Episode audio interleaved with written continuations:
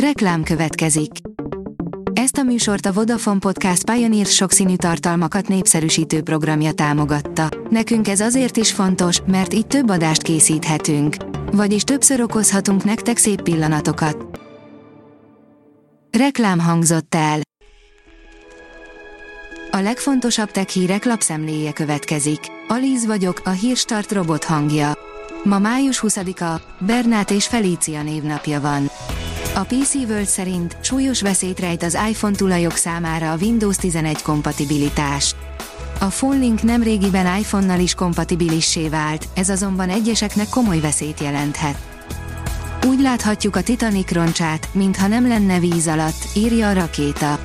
Elkészült az első, a hajó teljes egészében mutató, digitalizált modellje a roncsnak, ami 3800 méterrel a vízfelszín alatt fekszik. ChatGPT segítségével halmoznak főállásokat a távmunkások, írja a Bitport.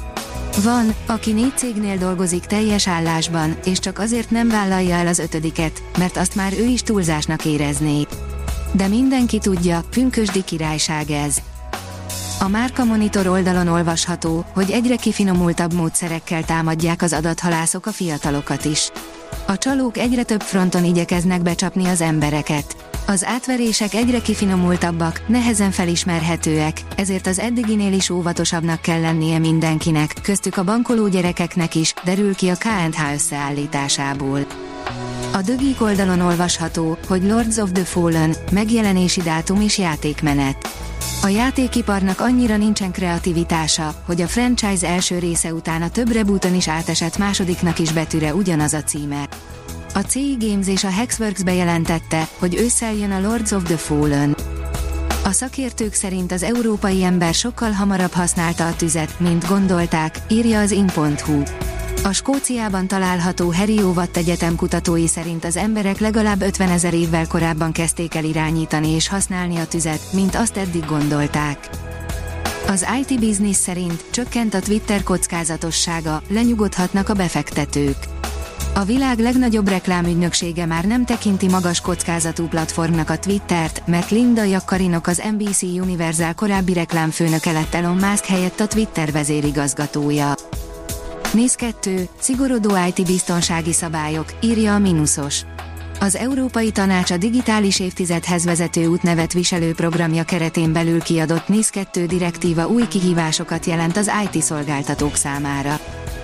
A 24.hu írja, ingyen van az egyik legjobb FPS.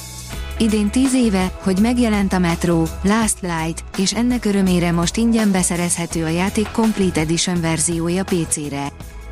Az Origo írja, 1989 óta gyártottak mobilokat, most visszavonultak.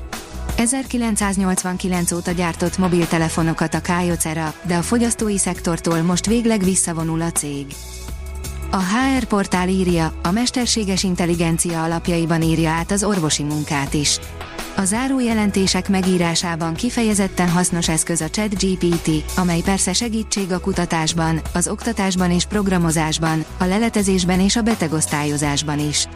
A koronavírus járvány új lendületet adott az egészségügyi digitális fejlesztéseknek, az ágazat azonban így is el van maradva a többi szektor fejlettségi szintjétől. A PC World oldalon olvasható, hogy durvulóban a Twitter és a Microsoft háborúja.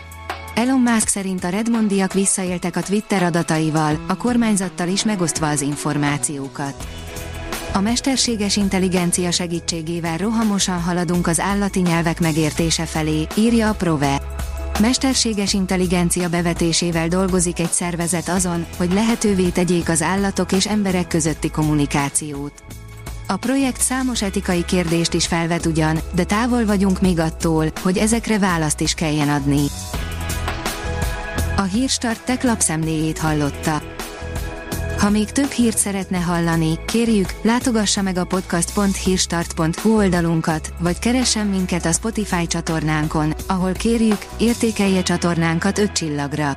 Az elhangzott hírek teljes terjedelemben elérhetőek weboldalunkon is.